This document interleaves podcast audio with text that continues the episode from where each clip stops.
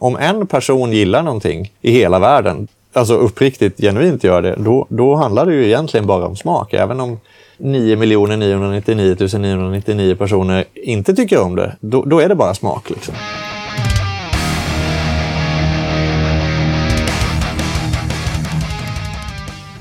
Ja, det är torsdag. Vad trevligt, tänker ni. Det finns någonting att glädjas över i denna grå massa som kallas vardag. Ja, på den punkten är jag helt enig med Per Nordmark från Nordmark Podd. Tack för de visdomsorden. Men nu är det ju Rockpodden du lyssnar på. Varmt välkommen hit! Idag träffar vi superproducenten Jakob Herrman. Han är ju en otroligt både erfaren och skicklig yrkesman som har jobbat ihop med stora delar av både världens och eh, Sveriges rock och hårdrockselit. Dessutom är han en sjukt skön snubbe som har ett stort sinne för detaljer och en eh, ganska bra vilja att eh, besvara många frågor på sitt eget sätt. Det tycker jag var ohyggligt uppfriskande. Men innan vi drar igång så ska jag self-promota eh, lite. Nej, det ska jag inte alls det. Det är ju faktiskt någon annan jag ska promota. Det är relativt ofta jag får mail eller mess eh, av er lyssnare som eh, önskar att självaste lilla jag ska vara min egen gäst i Rockpodden. Jag vill inte riktigt nappa på den där idén, men däremot så ställer jag ibland upp på andra intervjuer. Eh, nu i veckan så kom det ut ett avsnitt av den ganska nya och väldigt trevliga podcasten Spellistan där jag var gäst. Fick verkligen prata ur mig ordentligt om min musiksmak och mitt musiklyssnande. Det var helt underbart. Så kika in den tycker jag. Det finns fler trevliga gäster i den där podden.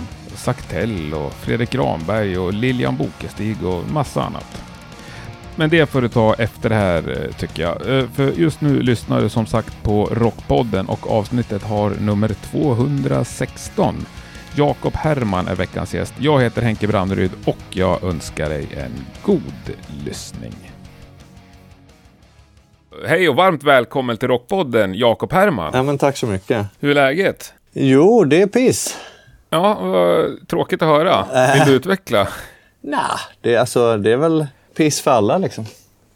Mer eller mindre kanske? Ja, jag tror det. Det är, det är liksom inte kul någonstans. Men kan du ge oss en liten beskrivning? Du driver eh, Top Floor Studios i Göteborg, ska vi säga. Ja, jag sitter här i min Top Floor Studios i centrala Göteborg. Där ni spelar in allt och alla med en jävla massa erkända och internationella hårdrocksartister främst ja, kanske. Ja, det, mm. eftersom det är Rockpodden så är det väl det vi får trycka på liksom. Ja, absolut. Eh, men eh, om, vi, om vi tänker för ett år sedan, i slutet av januari, hur, hur, såg din kalender ut då? Ja, det såg bra ut. Det såg jäkligt bra ut faktiskt. Förlåt om jag strö salt i såret, ja. men berätta gärna.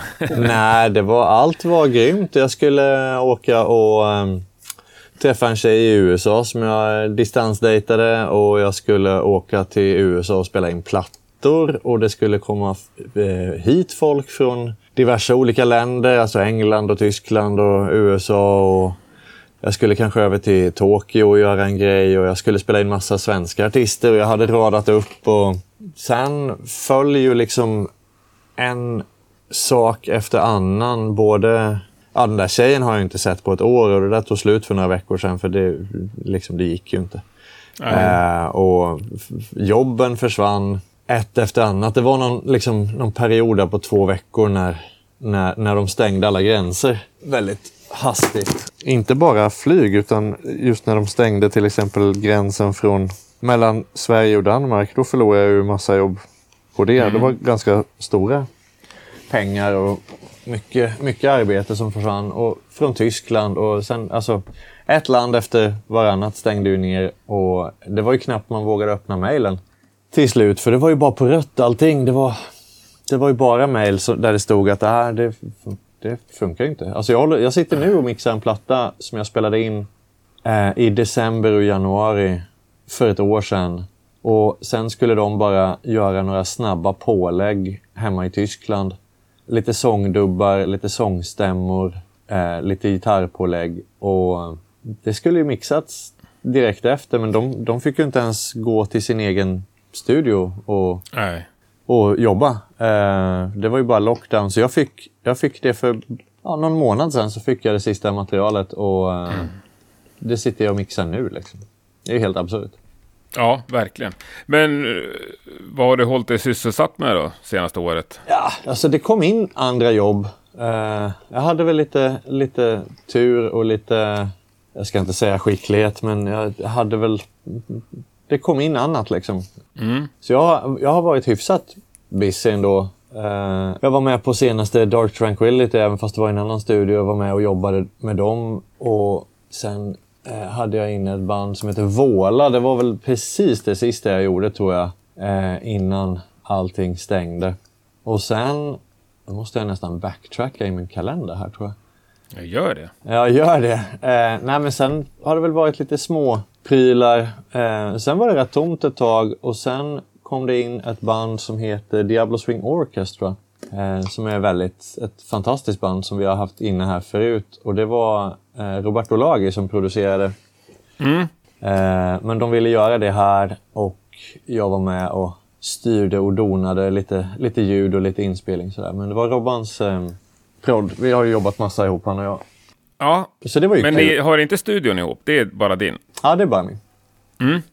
Men, ja, men jag tänkte på det. Alltså, jag fattar att det var mycket som var inställt, men eh, jag får också uppfattningen att många band har spelat in som de kanske inte har planerat. Och vet Dark Tranquility, de sa att de var mycket längre i studion än vad de hade tänkt att vara sådär, eftersom de Ja, kunde. de har ju, jag menar deras eh, keyboardist Martin, han har ju, han har ju en egen studio eh, som sitter ihop med Nacksving, eh, där vi gjorde trummorna.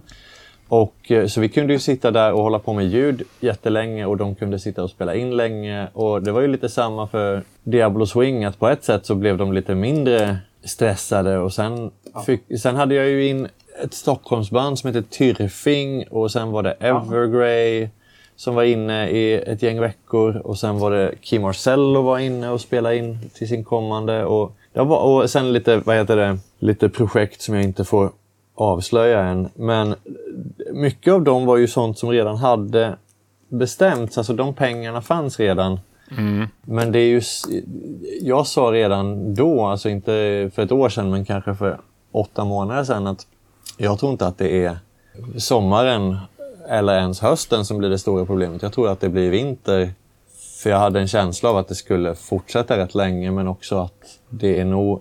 Jag, jag hade på känn att det är nog i vinter som, som alla märker att nu finns det inga pengar. Så band har inga pengar, privatpersoner har inga pengar och labels har inga pengar. Men det har ju varit en effekt som har kommit efter ett tag. Liksom. Så det spelar ingen roll om, om folk känner att ah, nu har vi ju tid att spela in, men det, de ska ju ha möjlighet också. Ja, kunna betala. Men, men ser du någon ljusning? Hur ser kalendern ut nu, liksom framåt? Är det någon som vågar boka in långa inspelningar? Inte långa. Nej. Eh, det jag har är ju ganska korta historier. Jag har liksom en truminspelning på två veckor i februari och sen sitter jag med ett gäng mixar. Problemet är ju också att det är så många som nu har börjat spela in mer, alltså att de sitter och spelar in själva och sen tänker att men då skickar vi bara det på mix. Och det blir inte bättre, alltså resultatet blir ofta ganska sämre. Jag sitter med några mixar nu där jag verkligen funderar på vad folk har hållit på med. Liksom. ja. Men alltså, det, det är väl ganska naturligt. Alla gör ju vad de kan. ja. Och det är väl, jag fattar ju det. Liksom. Men blir du tvungen att sänka din ribba liksom på vilka jobb du tar in? Gör du mixjobb som du kanske hade tackat nej till för något år sedan och sagt att det här är för, för dåligt? Nej, det hade jag nog inte gjort. Men jag kanske hade varit inkopplad i ett annat läge, tror jag. Jag kanske hade varit inkopplad tidigare och jag kanske hade dessutom kunnat göra en deal att ja, men vi, kan, vi kan ju i alla fall göra trummorna ordentligt och kanske liksom hjälp till och kolla över gitarrljud och så vidare. Att, eh, så att man slipper bli så inmålad i ett hörn när det gäller hur, hur mixen blir. Liksom. Men har du, har, har du några internationella grejer inbokade? Är det någon som törs? Inte inspelning. Nej. Ja, det, är, det är en platta i USA, men det, det där är ju mer att de säger att jo, men när, när, så fort gränsen öppnar så. Alltså så, så fort du får flyga hit så kör vi, men just nu så kan jag just nu är det ju inget som kan göras. Så det finns ingen, det finns ingen satt bokning för det liksom. Ja, jag fattar. Nej, för fan vad eh, dystert. Men eh, vi får väl prata om som om det vore normalt då. För du har ju, du har ju ändå en lång och härlig karriär innan det här brakade Lång och lös. härlig. Ja. Lång och ärlig Vad, vad säger du att du är? Säger du att du är ljudtekniker eller säger du att du är producent? producent. Ja. Men hur stor del av ditt producerande är ljud? 100 procent. Ja. Såklart. ja, fast du är också med och pillar på liksom låsstrukturer och trumfill. Ja, alltså det roliga är att jag har ju i princip aldrig skrivit en låt i hela mitt liv. Nej. Jag har, jag har spelat musik sedan jag var fem. När jag började spela piano och så började jag spela trummor när jag var 15. Men jag har aldrig skrivit en låt. Jag har alltid varit monumentalt ointresserad av att skriva låt. Ja. Eller skriva någon musik liksom. Ehm, Ja. men jag har alltid tyckt att det är skitkul att jobba med andras musik. Det har varit... Det har jag alltid gillat liksom. Komma med åsikter. Ja, faktiskt. Alltså, jag fattade rätt tidigt att det är ju det, är ju det som är min styrka. Att, att, ehm, att sitta och vara jobbig. Det är jag bra på. Nej, men just det här att, att om, det finns, om det finns någonting, om det finns ett, ett, ett skelett liksom. Eh, eller till och med om det finns något väldigt, alltså väl... Det där skelettet kanske är mer än ett skelett. Det kanske är väldigt mycket... Eh, det kanske är väldigt eh, genomarbetad pre-prod och så vidare. Men, men ehm, eh, alltså folk kommer väl hit av olika anledningar. En del vill ha liksom min spetskunskap inom till exempel trummor. Och andra vill väl ha det men kombinerat med att jag sitter och faktiskt Alltså, eh, ibland handlar det ju inte om, Ibland kan det ju handla om att man är inne och pillar och ibland är jag ju inne och pillar jättemycket ehm, i vad som spelas och man ändrar melodier och man bygger om lite riff och ser till att allting funkar med varandra och lutar sig mot varandra. Och man optimerar låten. Liksom. Men ibland är det ju precis som det ska och då handlar det kanske mer om att man coachar hur det spelas. Liksom. Och det är också en stor del av producentrollen. Liksom. Ja, verkligen. Men är det där sånt du snackar med band om innan? Ja, alltid. Ja. Ibland är det ju de som bara öppnar med det. Att ja, vi, vill, vi, vill ha, vi vill att du ska göra din grej. Liksom. Ehm, Och ibland så är det att man tar upp det, att man bara pratar igenom att ja, men, vad, är, vad är mitt jobb, vad är min roll, vad, vad, vad är det ni vill att jag ska göra? Ni anställer ju mig för att eh, styra er så att säga. Ehm, Så det är ju, det är ju, man är lite folkvald sådär. Ja, ja. Men min, min fördom kan ändå vara att ett band kommer in och så säger de till en producent så här, ja men gör din grej liksom. Men när du gör det så, app, app, app, Ja, kom ja. inte här och rör, rör min fina låt. Jo, så, ja, så är det. Och sen kan det ju vara att band ibland, jag menar att någon i bandet, eh, ja det är skitbra att du är på eh, gitarristerna nu och det, det, Ja. det ska det vara. Och sen när det gäller dem så bara, nej nu får du inte hålla på nu. och då, det är just därför jag vill prata om det innan, att, att man verkligen Ja. tar upp att, ja, men, gäller det alla eller gäller det bara de andra liksom? Ehm, Och det kan, ju vara, det kan ju vara olika sätt det där att ibland till exempel om man, om man, när man sitter och mixar att då kan man göra olika regler beroende på vad det är för band. att eh, Till exempel att ja, men, man får tycka hur mycket man vill men aldrig om sitt eget instrument. Det brukar vara en bra klassiker. ja, det låter ju jävligt vettigt. För att då vet man att ja, men om, om, om, om trummisen tycker att sången är lite för låg och den ska upp, då finns det på ett sätt finns det mer tyngd i det. Ja. Eller om sångaren säger att han kicken är lite... Den ska. Men sen vet du, de kanske har skapat en koalition bakom ryggen på mig. Jag tänkte säga det. Försvara varandra. Liksom. Ja, de, de, de ingår en så här hemlig pakt. De kanske sitter och Ja. mässar varandra samtidigt. Bara, Säg något om sången så tycker jag till om kicken. Men jag tror Dan Svane sa något sånt. Han ville inte ha folk i studion när han sa alla säger bara eh, höj mig och sänk de andra. Mm, men det är just därför man får, man får ha det som... eh, Du får tycka till, men inte om dig själv. Nej, det, alltså, min erfarenhet är att det brukar vara ganska smärtfritt ändå. Och framför, alltså, jag jobbar ju väldigt mycket ihop med andra producenter och mixtekniker och så. Jag tycker det är väldigt kul eh, att göra. Väldigt belönande på många sätt och roligt. Och, jag menar, det är ju, man jobbar ju med sina vänner liksom. Oavsett om jag jobbar med Jakob Hansen eller Roberto eller Nolly eller andra. Så man, man jobbar sina, med sina vänner och kollegor. Det är väldigt givande på många sätt. Liksom. Eh, men ibland känner man ju också att man vill ta en produktion från ax till limpa eller att bandet själva känner att de vill att det ska göras. Men oavsett Mm. hur, oavsett vilken nivå och mängd inblandning man har så kan jag tycka att det är viktigt att prata igenom det där innan, att man vet, så att alla vet, ja, men vad, är det, vad är det för befogenheter som delas ut här nu? Mm. Så att man inte, alltså så att man slipper det där att sitta och, ja, att det inte blir så jobbigt. Liksom. Eh, Ja. Utan alla ska ju triva. Det, det, det, alltså när man har det där ur vägen, vänta jag ska gå och trycka ut en kaffe här bara. Eh, När man har det där ur vägen så blir man ju, alltså då kan man ju ägna sig åt det roliga för det ska vara kul. Men jag är ju samtidigt ganska mån om, jag är inte, alltså jag är kanske inte den här, ja det är gött att sitta och dricka folköl och laja lite. Utan jag vill ju att det ska vara, alltså det ska vara hårt jobb, det ska vara mycket jobb. Men det ska också vara um, kul samtidigt.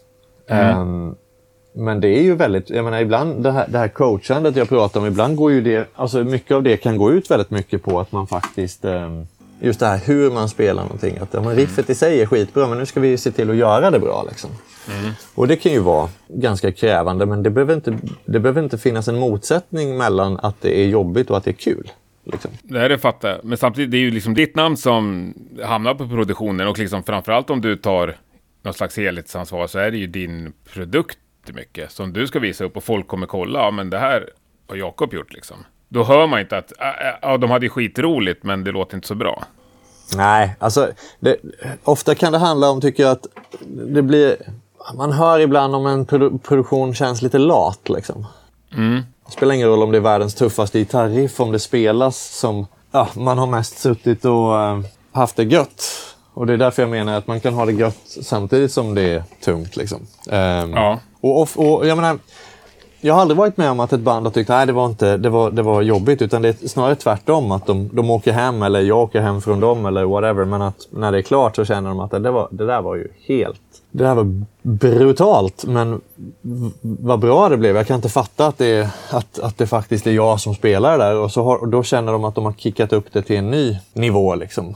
Eh, och det märker man ju med, desto med band som återvänder, eller vad man ska säga. Att det, petar upp den där nivån. Jag menar, det är ju inte jag som spelar i slutändan. Men jag är ju samtidigt ganska mån om att... Jag, jag, sitter, jag sitter aldrig och säger att ja, men gör om det om jag inte vet vad det är de ska göra annorlunda. Det är ju ganska vanligt annars att ja, men gör, gör, det, gör det igen. Ja, men vad ska jag göra? Nej, det vet jag inte. Det. Alltså, jag är mer mån om att jag måste ha bäring för det jag säger. Att ja, men vi gör det igen och så tänker vi på det här. Liksom. Och det spelar ingen roll om det är... Alltså, det har ju varit allt från dödsmetall till n- nio personer stark jazzorkester. Liksom. Men approachen är samma. Att man ska optimera liret och se till att saker funkar med varandra. Och, och sådär. Ehm, Men det där med att eh, folk kommer tillbaka ändå. Är det något band du har pressat för hårt som inte kom tillbaka? det är, är det säkert, men det är inget jag vet om. Men Det är ingen feedback du har fått på det? Nej, alltså det är klart man, alltså, man har väl hört ibland att... Det var, det var något band som sa att de träffade någon som sa Ja, han Jakob, ja, han, han, är, han är grym, han är jävligt hård. Och då hade de tyckt, ja, visst är han, visst är det gött. Ja, Visst är det men det är, väl härligt. så det, det är väl så det ska vara? Det är väl den reaktionen du vill ha antar jag? Ja, alltså, vill och vill. Jag, vill. jag vill att det ska bli bra. Men, eh, Ja. Och menar, om det kommer ett band och säger att bara så du vet, vi vill inte att det ska vara så hårt. Det ska vara jävligt slappt. Liksom. Ja, men då, Bra, men då har ni valt er inriktning. Men då, då ska det ju funka också. Liksom. Ehm, men det är, ju, det är ju ingen som har... Alltså, jag är aldrig ute efter att det ska vara hårt för sakens skull. Är det, är det, jag menar, ibland är det lätt. Ibland, flyter det, alltså, ibland spelar det in sig själv på något sätt. Och det är ju härligt. Ehm, utan det handlar mer om att man bara ska försöka göra det bästa av...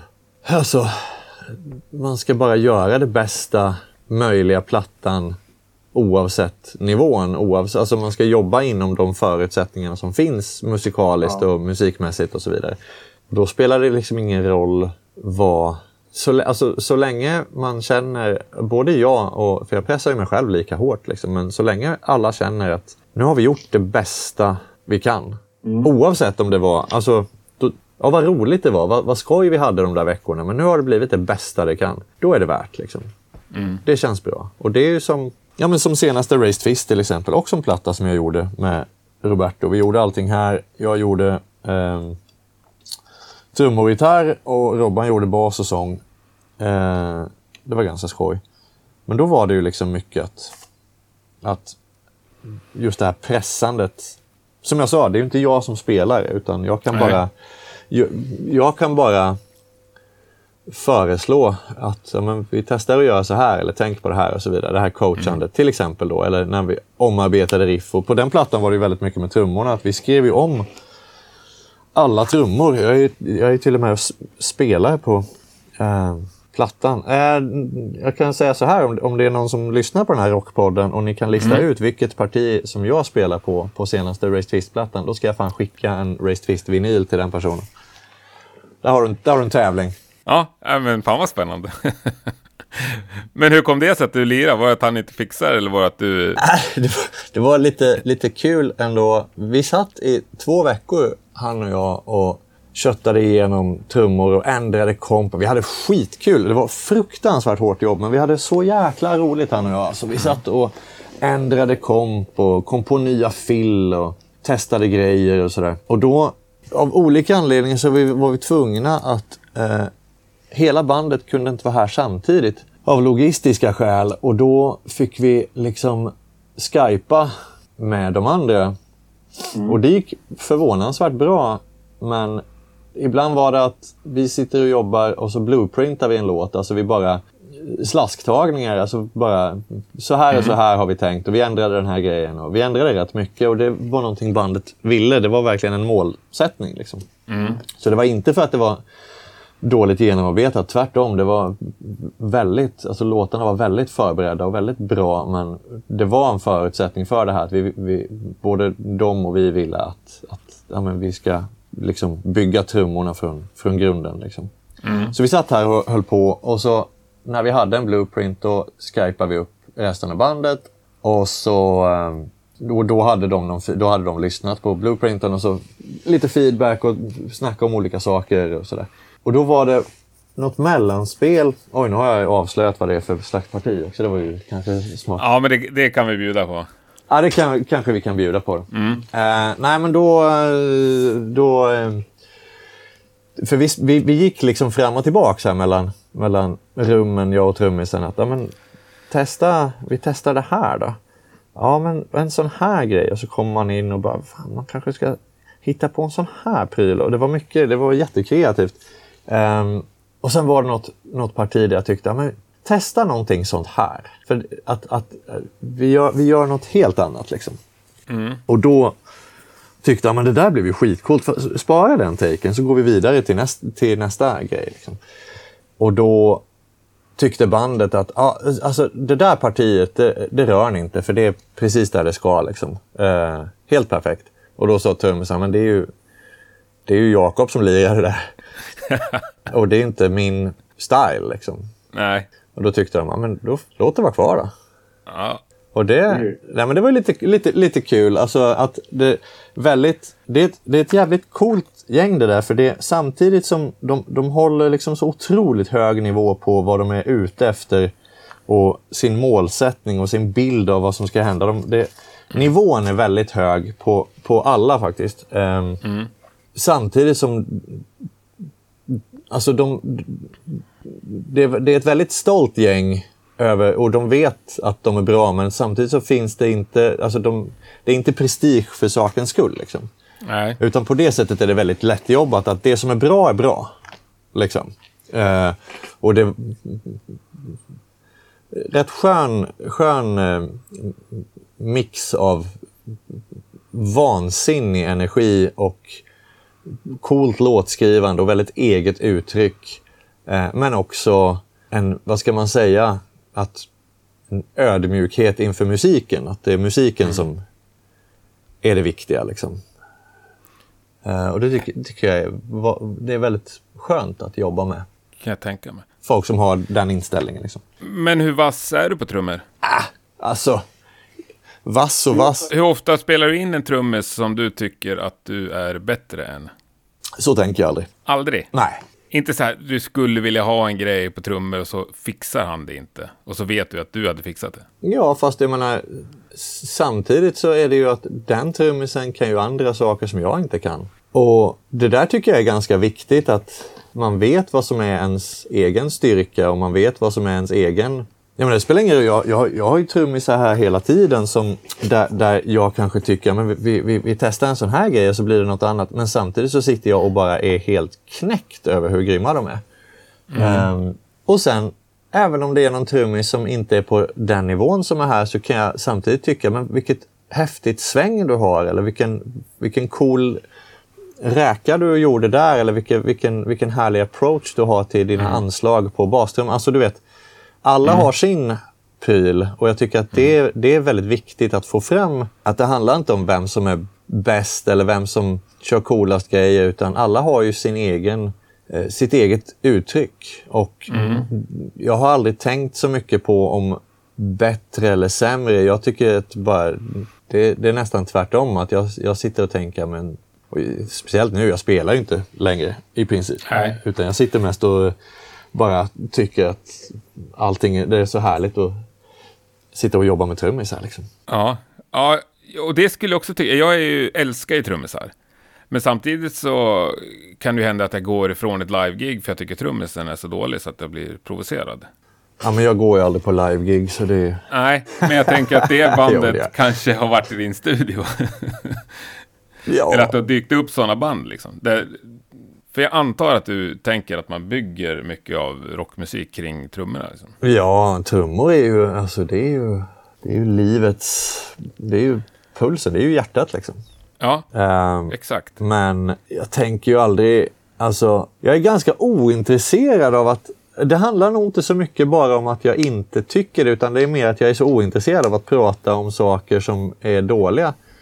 Eh, mm. Band, är ju, band är ju ofta väldigt provocerade av att jag inte vill prata om musik. Jag har ju ett, ett, ett, en, en, eh, en dogma i mitt liv kan man säga och det är att jag, jag vägrar prata om musik som jag inte tycker om.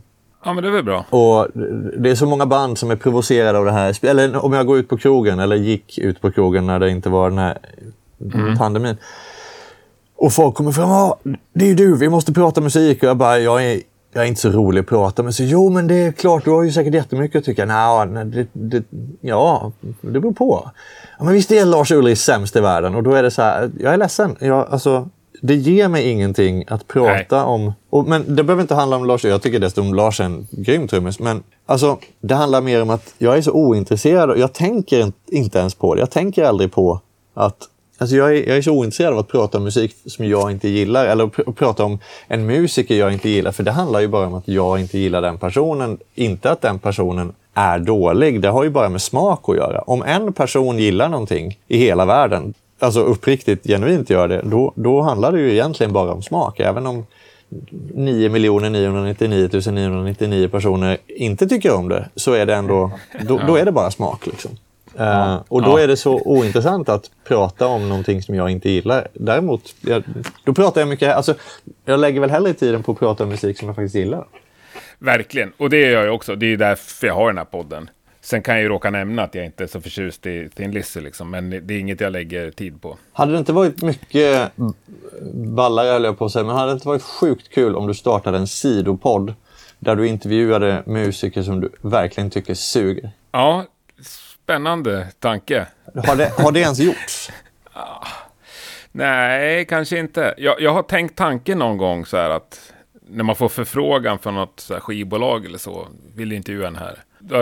Jag svarar alltid nej på ett vänligt sätt, men ibland så tänker jag lite djävulskt sådär att jag säger ja, men då kommer jag såga han fullständigt under intervjun. Är det okej? Okay? Men jag har, aldrig, jag har aldrig vågat skicka ett sånt mejl. Men jag tycker du skulle starta en, en podd som heter typ Change My Mind. Där du verkligen säger, jag tycker ni suger. Men alltså, försök, försök, och du kan vara hur trevlig som helst, alltså den här artisten. Det, det handlar inte om det. Ja. Utan det är mer så här, du är en skittrevlig snubbe eller tjej, men jag tycker du är skitdålig, men du får jättegärna försöka, eller kan vi prata om att du är så dålig? Liksom?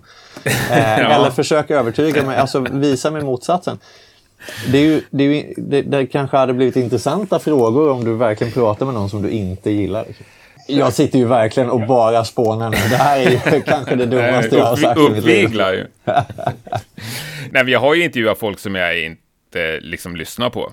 Men oftast är det så att jag blir så förtjust i människan och då gillar jag dem sen. Liksom. Även om jag inte börjar sätta dem på högsta rotation hemma så liksom full respekt. Så där kan det vara här också att man, man, alltså, man gillar ju ofta det man jobbar med till slut för att man en, eftersom en stor del av mitt jobb är ju att hitta vad som är bra eller charmigt med musiken, alltså plocka fram det som är bra. Och då blir det ju naturligt att man går och nynnar på den där låten och sen bara, fan den har någonting, den, den är lite cool ändå. Liksom. Mm. Att man gillar det man, man jobbar med på något sätt. Ja, och när det finns människor bakom som är underbara. Liksom. Och det är ganska trevligt. Jag, jag har ju mycket hellre så än att jag sitter och är förbannad på att, ja men du vet, som en del gör, att det bara, ah det är så dåligt och det är så dåligt. Mm. Alltså, det är väl kul att hitta lite, lite den feelingen när man, när man får feeling för någonting. Liksom. Absolut. Men du, innan vi går in på det som är roligt och bra då, så måste jag ändå fråga, har det aldrig hänt liksom att du har hyrt in en eh, basist eller sådär för att lägga på ett band som du håller på med? Måste jag tänka. Jag var med om en gång att en trummis hoppade av sitt band mitt i en tagning. Det var nog, det var nog något av det knäppaste någonsin. Berätta. Ah, det, det, är så länge sedan jag minns knappt, men han var inte bra. Uh, men han visste nog det själv. Men vi kämpade på ändå liksom. Och så mitt i en take så bara slänger han trumpinnarna tvärs över rummet.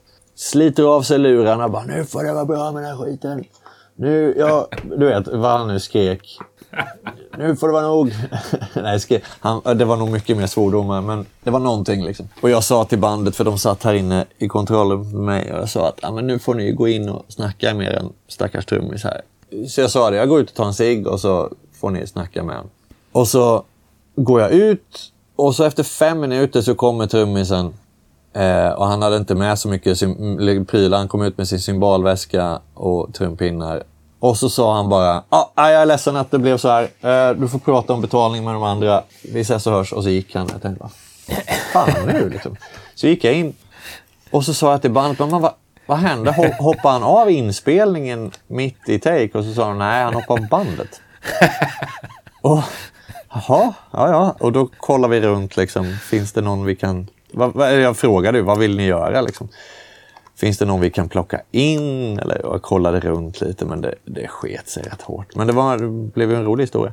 Men, men hur, hur, stort band var det? Nej, det var inte stort band. Nej. Det, det är liksom ingen sån smask, smaskig historia som folk kan gotta sig åt. Uh, men ja, har det hänt? Nej, det är väl mer att man kanske har använt folk inom bandet. Alltså ibland kan det ju vara om man tycker att fan, hade det inte varit coolt om basen följer gitarren här liksom? Mm. Eh, det hade varit häftigt. På just den där räkan. Om det är någon... Liksom. Mm. Eh, och så säger basisten, jo, fast jo, men då måste jag ju kolla vad det är som händer här. Och så inser man efter ett tag att det kommer ta så lång tid.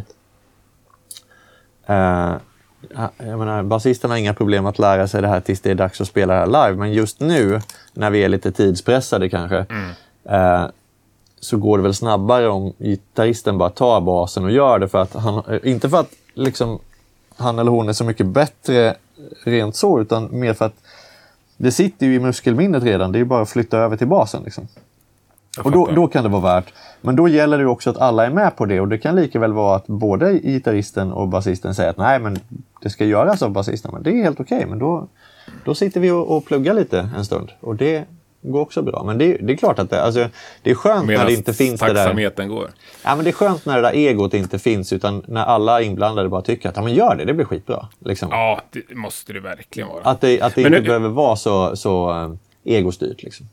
Men, men, hur tänker du liksom kring mycket metal som har två gitarrer? Ska, alla, ska båda gitarristerna lägga en varsin kompgura? Ja, det beror på vad man vill ha lite för vibe. Eh, båda har ju sin skärm. Ibland kan det vara en gitarrist lägger kompgurorna på hela låten om det ska dubbas. Eh, mm. Just för att få samma style. Och ibland kan det vara att det är tvärtom. Att det blir mycket coolare vibe om de gör samma grej fast man får med deras egna små egenheter så att säga.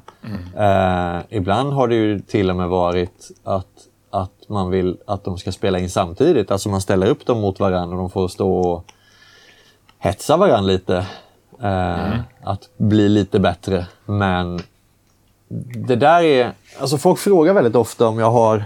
Hur gör du med det här? och Hur gör du med det här? Och hur brukar du, hur, vad bru- brukar du välja för mick till det? Och hur stämmer du trummor till det? Och, eh, jag brukar säga att det gäller att ha många färger på, på um, paletten. Alltså, om, man har en, om man har ett sätt att göra saker, då missar man väldigt mycket. Då tappar man väldigt mycket möjligheter. Jag försöker snarare se till att jag, har, att jag kan flera olika sätt att göra en sak. Så när folk, folk frågar hela tiden, eh, oavsett om det är på krogen eller om jag håller en workshop eller whatever, att eh, men hur stämmer man då? Ja, det beror på vad du vill, vill ha. Liksom. Det, Så enkelt är det inte. Om, om, om man bara blir en one trick pony då blir det lite konstigt om man stämmer på samma sätt oavsett genre och trummis och trumma och skinn. Och, alltså det, Så det där är... Och det är lite samma grej när det gäller approach då. Men ska man ha samma gitarrist på båda kompkurerna? Alltså det beror på vad man är ute efter. Liksom. Ja, jag fattar. Bra svar. Eh, Men du, vilket liksom enskilt instrument tycker du ändå är absolut roligast att nörda ner sig i och spela in? Det beror på. Alltså jag vet att jag är så tråkig att, att prata med för att jag ger aldrig några direkta svar. Men jag tycker att det är... Alltså, det beror ju helt på. Ibland jobbar man med en produktion där, där, där liksom kanske påläggen är det roligaste. Eh, det här efterglittret. Och ibland jobbar man med en produktion där basen kanske är det roligaste för att man, man har basen har en funktion i den musiken eller att basisten är så rolig att jobba med. Eller, det spelar ju liksom ingen roll när det gäller sådär. Men om jag ska se helt, om jag tar bort all, liksom, jag tar bort alla människor ur ekvationen och jag tar bort Ah, det är svårt att säga. Ja, men det, jag vet inte, det blir väl trummor då. Men Ja. det är så svårt att säga. Alltså det är väldigt svårt att säga för det kan vara... Ibland kan det vara så otroligt ehm, belönande när man är inne på det sista i en produktion. när man är på sången eller stämsången eller percussionpålägg eller eh, liksom stråkpålägg. Eller, alltså man gör det där sista, att man verkligen känner att nu syr vi ihop den här säcken. Och Då kan det ju vara det som känns det absolut roligaste. Och ibland kan det vara att man känner att ja, men, trummorna är ju det absolut, det här är ju skitkul, nu bygger vi grunden. Liksom. Eller som jag sa, att det är någon enskild person man tycker är så himla rolig att jobba med. Liksom. Att det är det som är givande. Liksom. Ja, jag fattar. Men, ja, men om vi tar trummorna, om vi plockar ner det lite. Liksom. Vilken del av trummorna sitter du ändå och lägger mest tid på, generellt sett? Hi-hat, kagge, virvel? Lägger tid på, på vilket sätt? Ja, alltså skruvar ljudet. Eller flyttar mickar, eller Överhänget. Överhänget. Kanske rumsmickarna.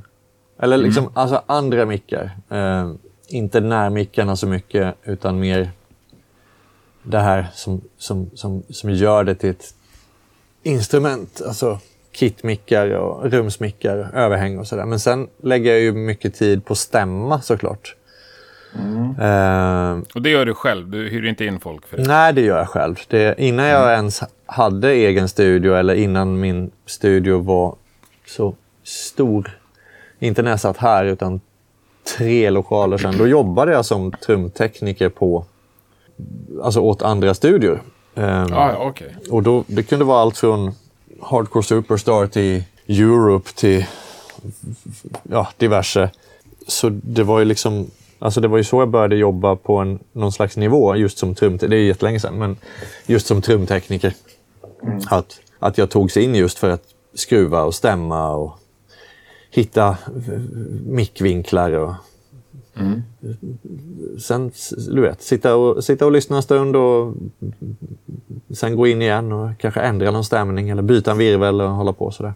Eh, Sen har det där blivit nästan som en fetisch. Jag har ju liksom 33 virveltrummor just nu. Som och det är ju såklart lite overkill. Men Men det är Ja, ju... men det är kul. Det är ju kul. Ja, det är kul. Det är, det, men jag det var ju och hälsade på Thomas Hake här innan jul. Han hade ju ett litet museum med virvlar. Ja, Oerhört imponerande. ja det, han är ju imponerande på alla sätt. Han.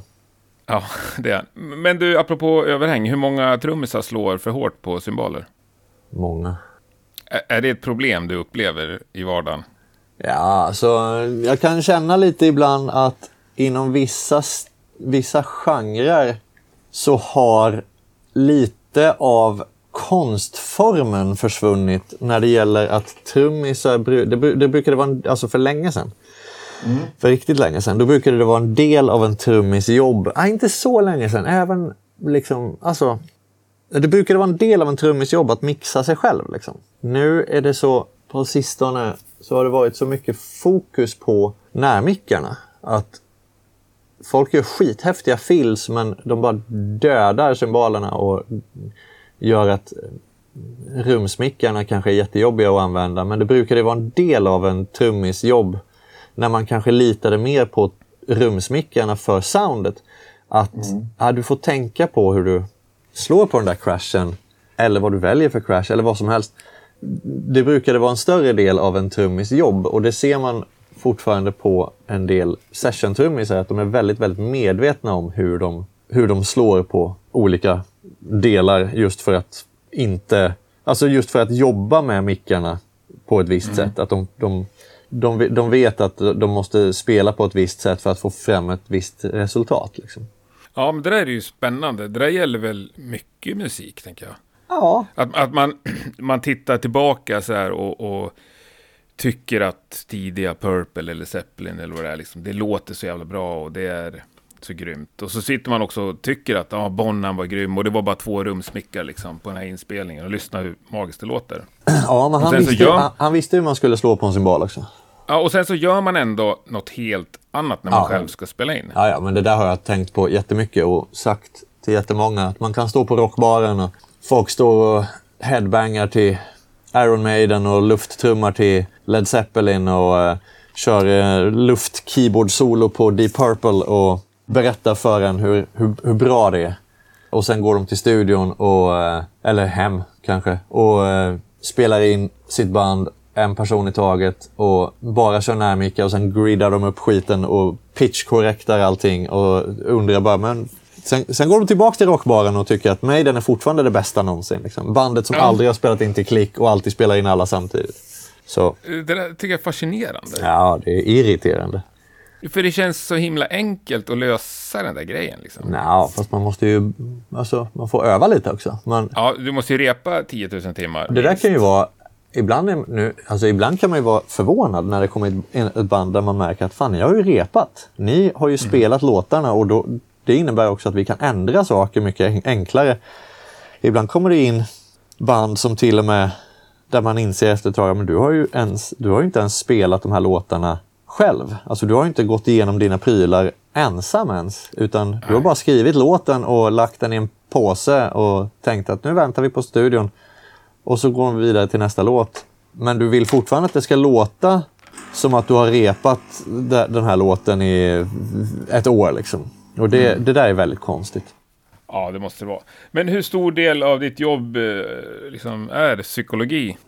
Jättestor. Fast inte psykologi. Alltså en del är ju så här, "Ah, psykologi, försöker du lura band att göra vad du vill? Nej, tvärtom. Att man verkligen man, man bjuder in till en gemensam vibe där man kan hitta varann. Och, men också att olika sätt att få musiker att förstå vad det är för vad det är som behöver ändras eller göras när det behövs. Att det, och det kan vara någon som är helt fantastisk, men det, det, det, det är ju, alltså psykologi är ju allt, men det är ju, det är ju samma om man tar en fika med en kompis och försöker och bara, alltså prata om väder och vind eller vad som helst. Det är ju på ett sätt också samma sak. Men Jo, men han kan ju få vara lite som han vill, din kompis. Du behöver inte få honom att prestera sitt max under varje fika.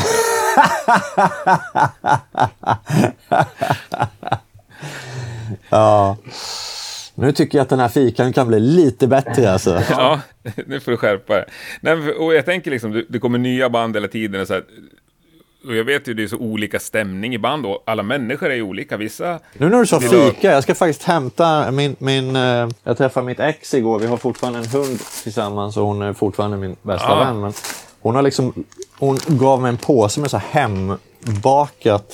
Och jag kom på det nu, att den ligger ju här och bara väntar. Så jag ska faktiskt Ah, sitta, och, ja, jag ska sitta och småmumsa nu samtidigt som vi pratar. Det är ju så jävla Ja, trevligt. gör det. Vad de bakar för något? Jag vet inte. Den är god som fan. Vi ska se vad det kan vara. Jag är så dålig på... Något äppligt tror jag. vet du vem Adrian Erlandsson är?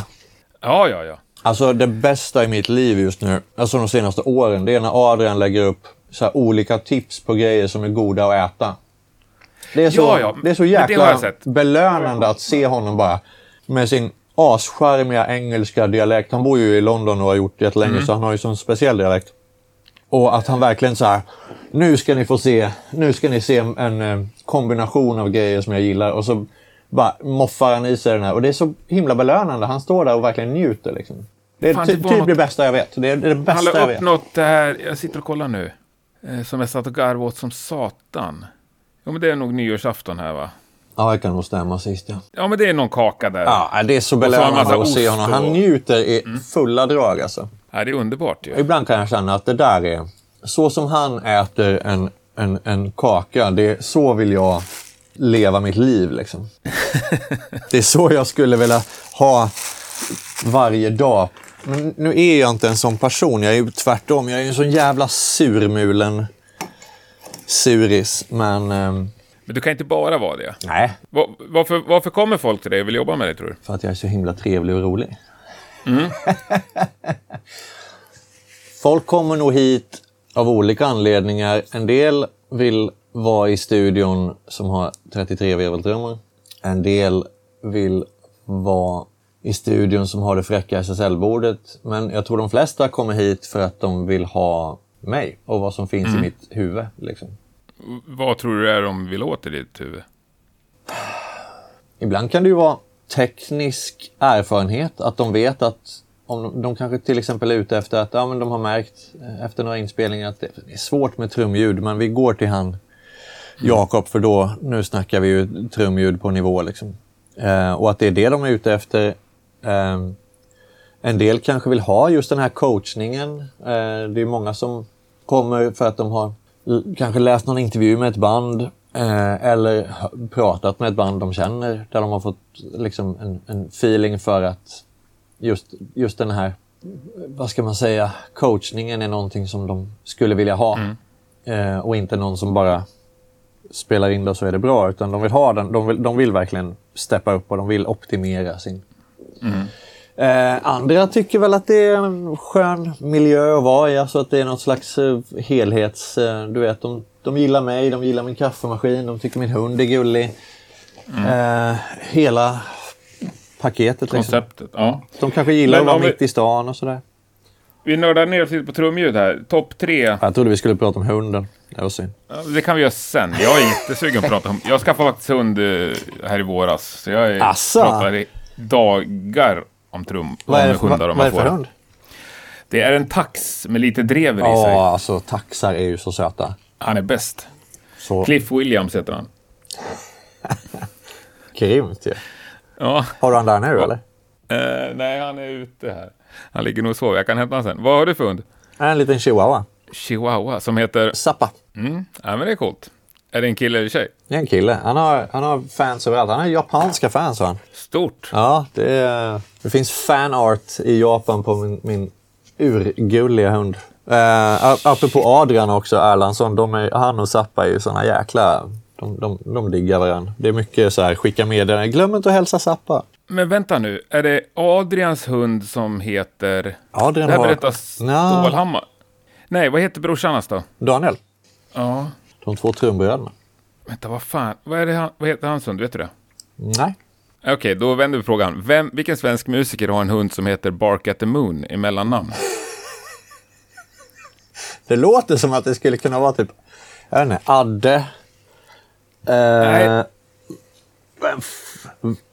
På riktigt alltså? Det, det var Stålhammar som berättade det här för mig, för vi började snacka om hundar. Och då sa han att den hunden heter liksom...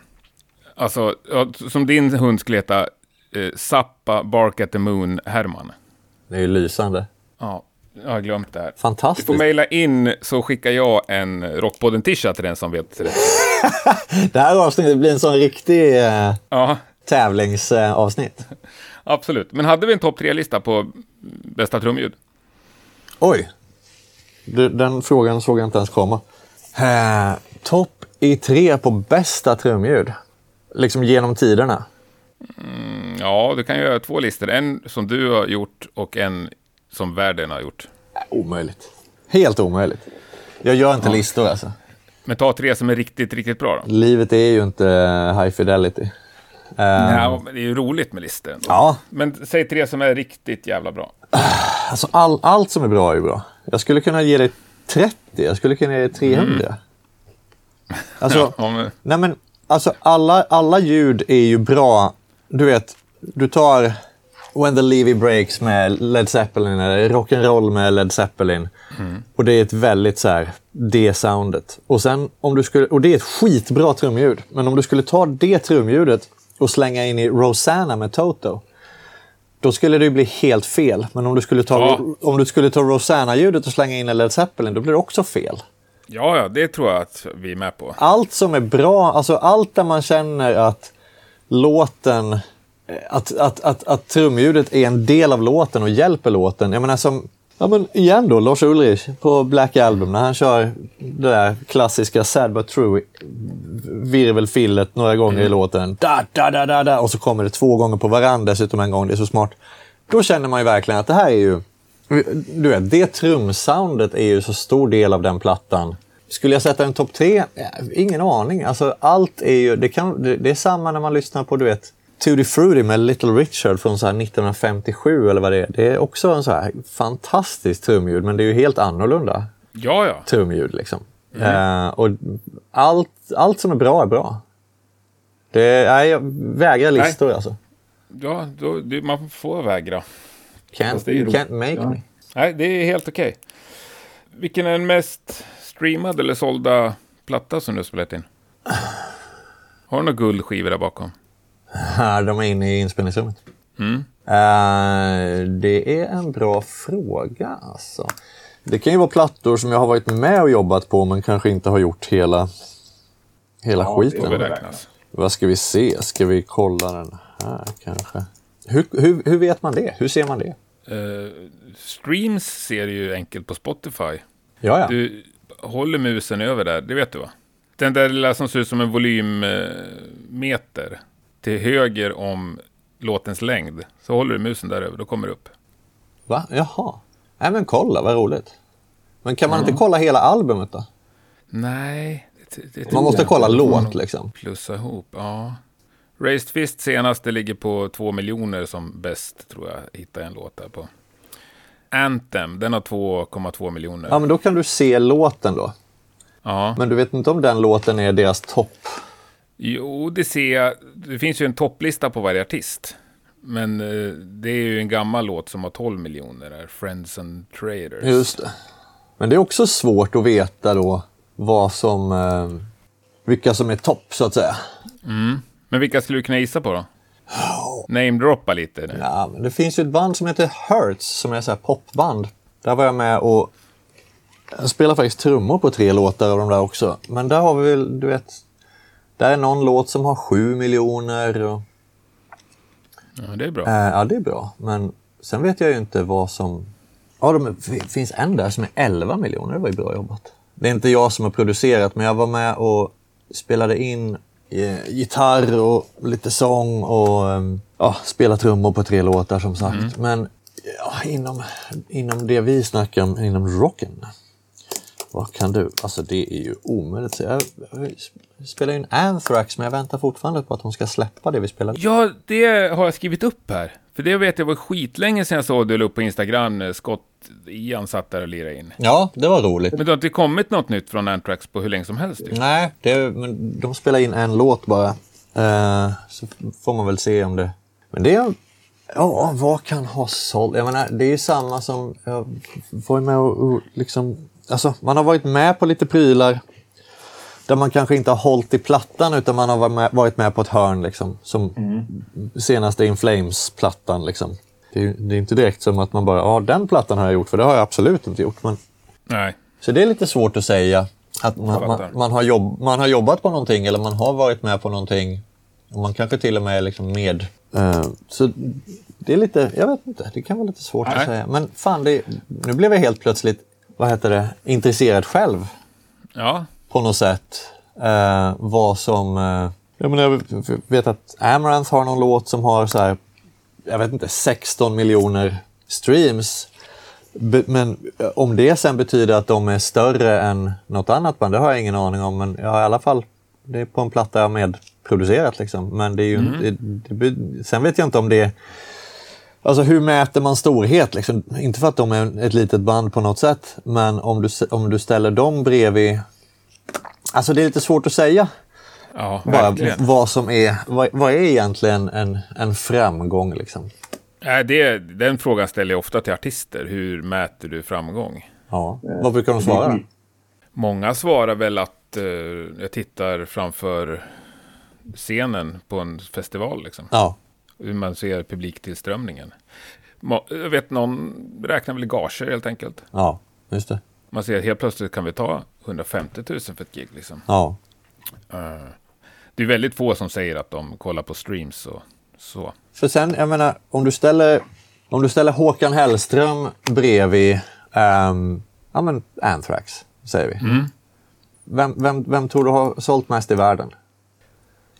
Men vem, har, men vem har sålt mest i Sverige? Ja, ja nej, det, jag hoppas att eh, svaret på A är Anthrax. Alltså. Nej, men jag bara menar att det är ju så, jag menar, hur, hur mäter du framgång? Eh, Håkan får ju mer per gig i Sverige än Anthrax. Ja, ja, herregud. Men får han mer för ett gig i eh, Oklahoma? Nej. Nej. Så hur mäter du då fram? Alltså det är svårt det där. Ja, ja, absolut. Och det är väl roligt att det går att mäta lite, eller att man kan kolla på olika saker. Men hur följer du upp, om vi tar kanske de plattorna främst som du är lite mer pappa över, sådär, där du har hållit i helheten. Hur intresserad är du efter att du har släppt iväg en master? Ja. Håller du koll på liksom recensioner och hur det går för plattorna? Så? Ja, men det är väl kul om, eh, om man ser en recension och man ser att det går bra. Det brukar man ju se att om, om de lägger upp någonting på, på eh, Facebook eller sådär. Det är ju kul. Men det är ingenting som jag brukar följa upp själv.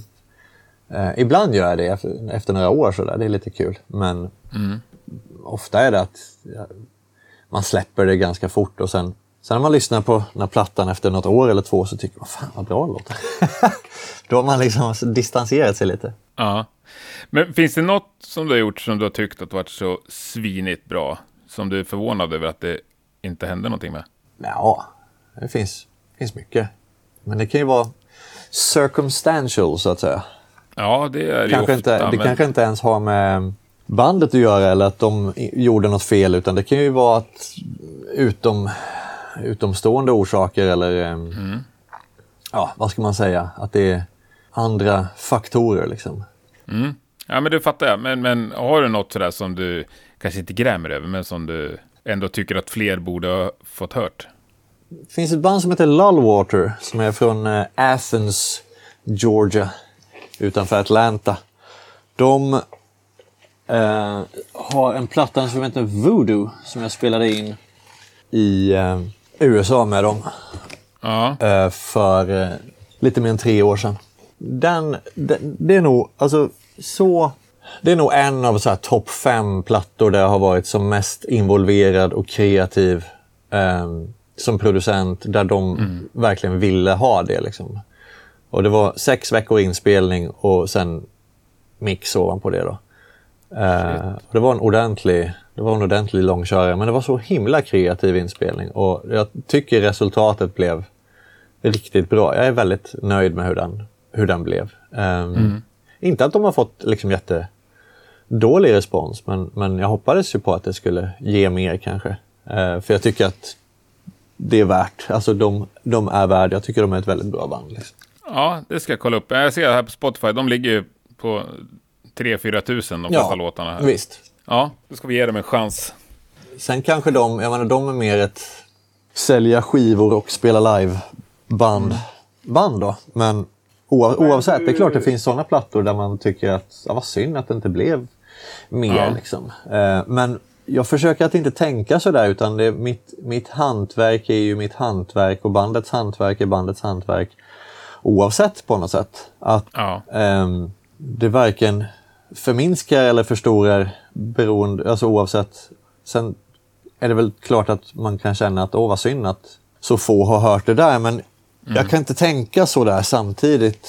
Alltså jag, jag, man får försöka jag blir inte Nej. bättre av det. Jag blir inte bättre av att jag tänker att oj, den här kommer ju höras av jättemånga eller det här kommer ju ingen att lyssna på ändå. Utan mitt hantverk ska vara på, oavsett, måste vara på en nivå och min, min, min, min insats måste vara på en nivå oavsett vad som, ska, vad som man tror ska hända eller vad som kan hända och så vidare. Ja, ja men det förstår jag. Och det där som du säger, vad synd att det inte gick så bra. Alltså det, skulle man hålla på och grämas för det, då kan man liksom inte hålla på med musik, tror jag. Nej, alltså jag gör det jag gör liksom. Ja. Men du nämnde mix där. Mixar du alltid det du själv spelar in? Nej, absolut inte. Nej, hur, hur stor del mixar du? Svårt att säga. Jag går i perioder. Det är ofta som jag jobbar, alltså ibland kan det vara att jag mixar med någon också. Att, att mm. man liksom sammixar eller att det finns någon, någon slags eh, gemensam vision och man sammixar. Eh, men ofta är det också att jag mix, att jag, eh, vad heter det, eh, inte mixar och ibland är det ju till och med att jag säger att jag inte vill mixa, att jag, att jag tycker att ja, men det här ska ju den där personen mixa. Liksom. Jaha. Det finns ett band som heter Nox Vorago som jag spelade in och då, det var också en sån här jättelång inspelning. Och då tyckte jag att ja, men det här borde ju Roberto mixa. Det, ju, det skulle ju bli råfett. Och då tyckte de, ja, vi trodde att du skulle mixa. Ja, men det, jo, det trodde jag med. Men nu när jag känner på det så jag tror att Roberto skulle göra det här. Det skulle bli en annan... Ja, men jag, jag testade det liksom. Så jag gav bort det jobbet mer eller mindre för att jag, tycker, jag tyckte att ja, men, han kommer att göra det här på, på, på sitt sätt och det kommer verkligen att mm. bli väldigt, väldigt lyckat. Och det blev, alltså, det blev fint. Um, men ofta, eh, ofta är det också att man vet när man spelar in att ja, men det, du kommer producera, den här personen kommer mixa. Och jag tycker det är skitroligt. Jag tycker att man presterar som bäst när man, ibland, när man vet att man ska jobba med någon annan. Och of, ofta är det ju dessutom någon man har jobbat med innan. Eller att det är någon man vet om eller vad man ska säga. Att mm. man har, ibland kan det vara en vän och en kollega som man har jobbat mycket med innan och ibland kan det vara någon som man kanske bara har, man har aldrig pratat innan och sen lär man känna varandra genom den processen. Då. Men poängen är att ibland kan det vara väldigt härligt att jobba med någon på det sättet för att man, man vill ju att den personen i princip bara ska höja reglagen och säga wow, det här mixade ju sig själv. Liksom. Här, här satt ju allting ihop från start och det finns en vision och det finns ett sound och jag, det enda jag behövde göra var att börja mixa. Istället för att den personen ska tänka, vad ska vi göra med den här bastrumman då? Eller vad är det för sound de är ute efter här. Och det är mm. väldigt många som har sagt det, att, det är, att de, de gillar att mixa saker härifrån just för att det finns ett sånt enhetligt tänk bakom. Och det, jag tycker det är väldigt härligt att höra, men jag tycker också det är väldigt skönt att jobba med den inställningen när det är någon annan som, som ska mixa. Att den personen ska kunna göra sitt jobb så bra som möjligt på grund av att jag gör mitt jobb så bra som möjligt. Då blir det ett sånt samarbete mellan mig, mixtekniker, band och så vidare. Mm. Eh, som blir så optimalt. Det blir, det blir verkligen så bra det kan och alla, alla parter gör sin grej i, i, för det stora hela så att säga. Förstår. Men när det kommer till mastering, hur inblandad är du då? Det beror på. Kan du mastra? Ja, jag mastrar ibland, men ofta så tycker jag det är väldigt skönt att ha någon annan som mastrar för att man, man får det här utomstående tänket och lite opartiska mm. tänket och någon som kanske inte är så fäst vid produktionen, alltså någon som inte har några darlings to kill så att säga. Att mm. den personen inte tänker, ja men det där, den där grejen är så skön och att det styr för mycket. Liksom. Utan den här sista touchen görs av någon som bara går in med ett kliniskt tänk och spenderar en dag på den här plattan och bara, så nu ska vi, nu ska vi bara optimera det här lite grann. Liksom. Mm. Det brukar vara ganska skönt att släppa det, att få den utomstående tänket. Mm. Men sen ibland så känner man att men det här det här blir en, en, en grej jag gör för att ja, av olika anledningar så känner man att man har det närmast sig själv eller man ska säga. Men eh, grejer som du står som producent på, som någon annan masterar, får du alltid liksom godkänna mastern då? Nej. Eh, jag gör det om de ber mig och ibland så ber jag om det. Det beror lite på hur nära hjärtat det ligger så att säga. Eh, ibland så vill jag vara med och ibland vill bandet att jag ska vara med. Så att säga att tycka till hela vägen och ha den. Eh, och, och ibland känner de att när mitt jobb är klart, då är det klart. Och alla, är, alla sätt är okej liksom. Men du är inte rädd att de kommer in och sabbar liksom? Nej, alltså, Sista touchen? Nej, det, är-. Det, det är ju så, alltså, det är ju inte att man känner att vad är det här för klåpare? Alltså konstigt om, ja men du vet, jag producerar och mixar eller säger att jag producerar och någon annan på samma nivå mixar och så skickar de iväg det till någon, någon 12-åring med Garageband i källaren. Alltså det tror jag inte kommer hända. Så det är nog... Nej, det, det kommer inte hända, men samtidigt så... Uh, trött referens kanske, men Zlatan drar ibland en straff åtta meter ovanför mål liksom. Ja, jo, Alla kan ju ha en dålig dag. jo. Men eh, ja, jag har nog aldrig tänkt, ja. jag har nog aldrig tänkt på det faktiskt. Nej, nej, nej. Du, jag skulle behöva ta en toapaus. Ja, men gör det så avslutar vi med några snabbfrågor sen. Ja, men då tänker, tänker jag att vi behöver inte stressa sen. För det här var så himla Ja. trevligt. Ja, det var svintrevligt. Jag tänker bara att klockan går här. Folk ska orka lyssna. Men vi, alltså, jag har inte heller någon stress. Ja, Ta en toapaus, så ses vi om tre. Ja, det blir bra. Tja! Och en sån eh, naturlig cliffhanger inför en reklampaus kan jag ju inte missa. Vill du stödja Rockpodden så är ingen gladare än jag. Denna podd försörjs enbart av er lyssnare och er fantastiskt goda vilja. Patreon.com rockpodden. Där kan du bli eh, månadsdonator. Allt från 2 dollar i månaden upp till, ja, precis hur rik du nu är. Om du inte gillar månadsgiveri så funkar det också fantastiskt bra med Swish. Då är det 070 77 38 200 som gäller. 77 38 200. Det är otroligt uppskattat. Eh, även ni som skickar några kronor bara tycker jag är eh, fantastiskt. Sen har vi också mycket rolig merch. Det finns mössor kvar. Det finns eh, den nya finfina blåa t-shirten. Den hittar du på bild på Instagram och Facebook om du så önskar. Skicka ett eh, meddelande till mig eller ett mail till merch rockpodden.se så styr vi upp det där. Grymt kul att eh, många redan har köpt den där t-shirten, men det finns exemplar kvar så det är bara att fortsätta beställa. Så kan jag fortsätta göra Rockpodden. Nu tror jag Jakob är färdig. Nu har jag hämtat Cliff. Fan vilken söt hund alltså. Han är grym. Han är den skönaste. Alla hundar är bäst. Ja. Jag antar att man tycker det om sin egen, alltid. Ja, det, nej men jag har ju lite så här, vad heter det? Vad heter det? Eh, sponsorhundar som jag aldrig har träffat. Vad betyder det? Nej, det betyder att man sponsrar en, en hund som behöver lite hjälp men som man kanske inte nödvändigtvis träffar utan som finns någon annanstans i världen. Ja, lite som fadderbarn. Liksom. Ja, lite så. Ja. Så får man lite updates och så. Jag fick en, en fick jag faktiskt i julklapp av mitt ex och en annan fick jag i julklapp av en vän. Underbart. Mm, det är fint. Och då har man, det är som att ha en liten hund som... Det spelar ingen roll om den hunden vet att man finns eller inte. Den, den får liksom lite hjälp ändå. Så. Ja, Det är härligt. Fint. Men du, eh, nu måste... Det är inte Hundpodden. Eh, du gillar inte topplistor, men eh, viktigaste prylen i din studio? Förutom i mitt huvud. Vänta. Kan jag äta en liten kaka så länge. Mm. Vart han förbannad på något? När han kryper in längst in i garderoben och så lägger han sig där och skäller. Fråga mig inte varför. Ja, charmigt ändå. Ja. ja, viktigaste prylen i studion? Prylen, förutom kaffemaskinen. Trumstämnyckeln. Ja, billigt i alla fall.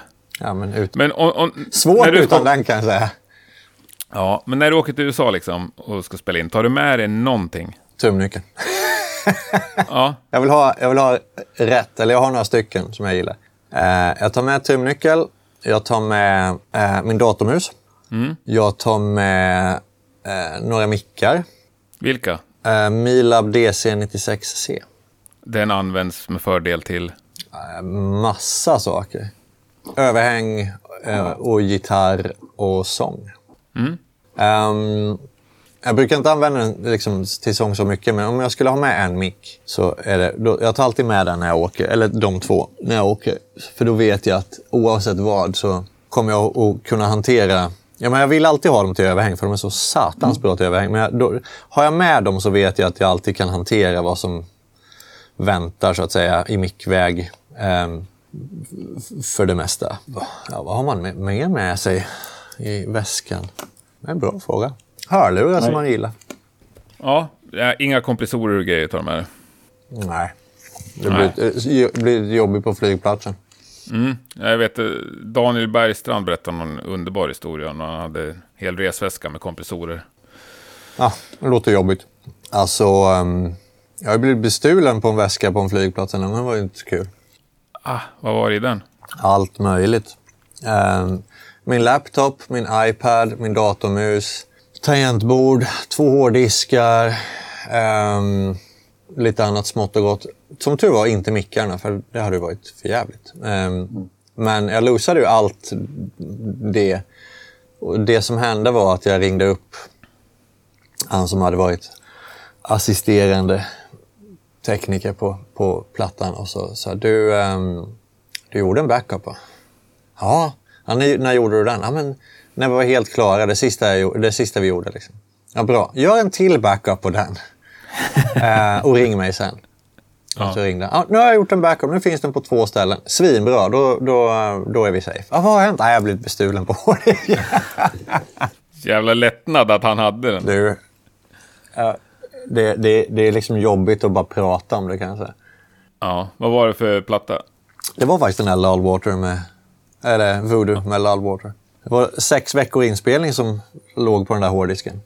Fy fan. Ehm, och det var ganska tungt, men ehm, det har aldrig hänt för, före, alltså före eller efter, utan det var en ren sån goof-misstag. Ehm, men eh, det, är ju, det är ju tur man har det där med vad heter det, lösenordsskydd och um, säkerhetskopiering, att man har det i, Ja. i, i, i ryggmärgen. Liksom. Men du vet att den blev snodd? Det var inte så att den bara blev skickad till... Nej, nej, den blev, den blev snodd. Jag hade den på mig. Liksom. Ah! Jävla mardröm. Men hur är det att komma till en annan studio sådär, och ut och resa? Ja, det är gött. Det är kul. Jag reser ju väldigt mycket ehm, i vanliga fall. Det känns ju väldigt, väldigt konstigt att inte ha varit i USA på ett år nu till exempel. Jag brukar ju vara där många gånger om året och i andra länder, alltså England och Tyskland och Japan och sådär. Nu har jag bara suttit still ett, ja, över ett år nu. Det känns ju jättemärkligt. Har du någon favoritstudio att jobba i förutom din egen? Ja, det finns en studio i New Orleans som jag eh, har gjort två plattor i. Som heter Marini Studios. Som drivs av eh, en vän till mig eh, som heter Rick. Som spelar i eh, bandet Afghan Wigs. Vilket är ganska kul för han vanligtvis så turnerar han mycket. Så han har faktiskt varit och hälsat på här i Göteborg. Vilket var smått surrealistiskt. Men där, där trivs jag väldigt bra. Men det, menar, det, är just, det spelar ingen Alltså just det här bara att komma iväg och jobba lite. Det kan vara i Sverige också. Eh, men det, det kan vara lite, lite skönt ibland. Liksom. Sätta lite perspektiv. Och ibland kan det vara att eh, man kanske har gjort trummorna här och gör resten någon annanstans. Och, eh, eller tvärtom. Alltså det, det kan vara lite kul att eh, se annat. Så nu är det lite klaustrofobiskt. Nu har, du, nu har jag bara suttit hemma eller i den här studion i ett år. Jag håller på att dö. Själsligt. Men det kommer, lätta. Snart sitter du på ett flyg igen. Ja, eh, framförallt dit jag ska. Som... Ja, vi får väl se. Eh, det får vi göra. Ja, men hur funkar det liksom med alltså, tekniken när man kommer till en ny studio? Förhoppningsvis bra. Ja. Men liksom mixerbord och... Ja, men det är ju inte alltid det finns. Alltså, Ja, eller att det är ett konstigt mixerbord eller ett dåligt mixerbord eller så. men det, man, man får jobba med de förutsättningar som finns. Men ofta vet man ju innan vad det, är som, vad det finns för förutsättningar. Liksom. Och dessutom att man kanske ser till att det inte är skräp. Men ja, jag tänker också på medhörning och lyssning och sådär. Ja, man får, man får lära sig eh, veta vad det är man gör och hör. Men mixar du någonsin med lurar? Ja, ja, ja. Tänker du på det, att det är jävligt mycket folk som lyssnar i lurar också? Mm, nej. Jag Nej. tänker, jag tänker inte så mycket på folk överhuvudtaget. Nej, och inte efter du har släppt det i alla fall. Skiter i dem liksom. Ja, Ja, men lite så är det ju att man gör, alltså man, man, man gör ju... Om jag skulle börja tänka på... Jag tänker på bandet och mig själv. Och musik och, och musiken. Liksom. Det, är, det är det viktiga. Jag och artisten. Sen resten, alltså det styrs ju ändå på något sätt av. Men jag, jag har lite svårt att tänka att, att jag undrar vad den personen får komma och tycka. För det, menar, det, folk har ju så himla mycket åsikter ändå. Ehm, mm. och det kan ju vara jätteolika um, vad folk har för... Någon kanske tycker att den där grejen var så dålig och sen tycker nästa person att precis samma grej, det var ju det som var coolt. Liksom. Så till slut är det ju att på, på något sätt att man gör saker för sin skull och en vision som man har ihop med artisten och så vidare. Och det, det är väl lite så det ska vara. Liksom. Alltså att man inte... Man kan inte sitta och vara så nervös. Och det, jag menar, nervös rockmusik, vad är det för trams? Liksom? nej, det är tramsigt. Men du, vad lyssnar du på när du liksom känner att shit, vilken jävla ballproduktion? Vad som helst. Igår, igår var jag på gymmet och då var det på någon house-låt och då tyckte jag, fan vilken smart låt alltså. Vilken smart produktion. Och jag lyssnar inte alls på sån musik, men den var, den var väldigt smart byggd. Och då tänkte jag på den när jag satt och tränade. Så det, jag är, det, det där är lite stumt, alltså just genremässigt. Men det kan Ja. vara vad som helst. Just nu lyssnar jag väldigt mycket på... eh, Nu har jag gått in i någon så här puritanläge helt plötsligt. Att jag lyssnar på musik som är inspelat, alltså där i alla fall grunderna är gjorda live i studion. Alltså att folk spelar med varandra. Eh, musik. Och det kan vara vad som helst från rock till gamla jazzplattor från 50-talet och whatever. Det är bara... Just nu är det mer den viben jag gillar. Liksom. Att, att det, det är lite den grejen jag känner att jag behöver just nu. Men har du några bra exempel på rockband som... Släng på en...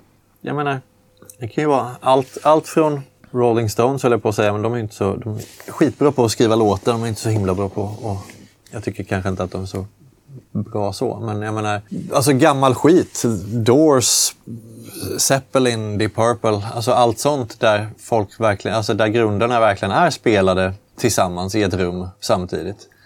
Eh, jag säger inte att sån musik är bättre än när man inte har gjort så. Det är bara att just nu så är jag inne i det, den viben. Det, det, det, det träsket jag befinner mig i. Kommer väl göra en stund liksom.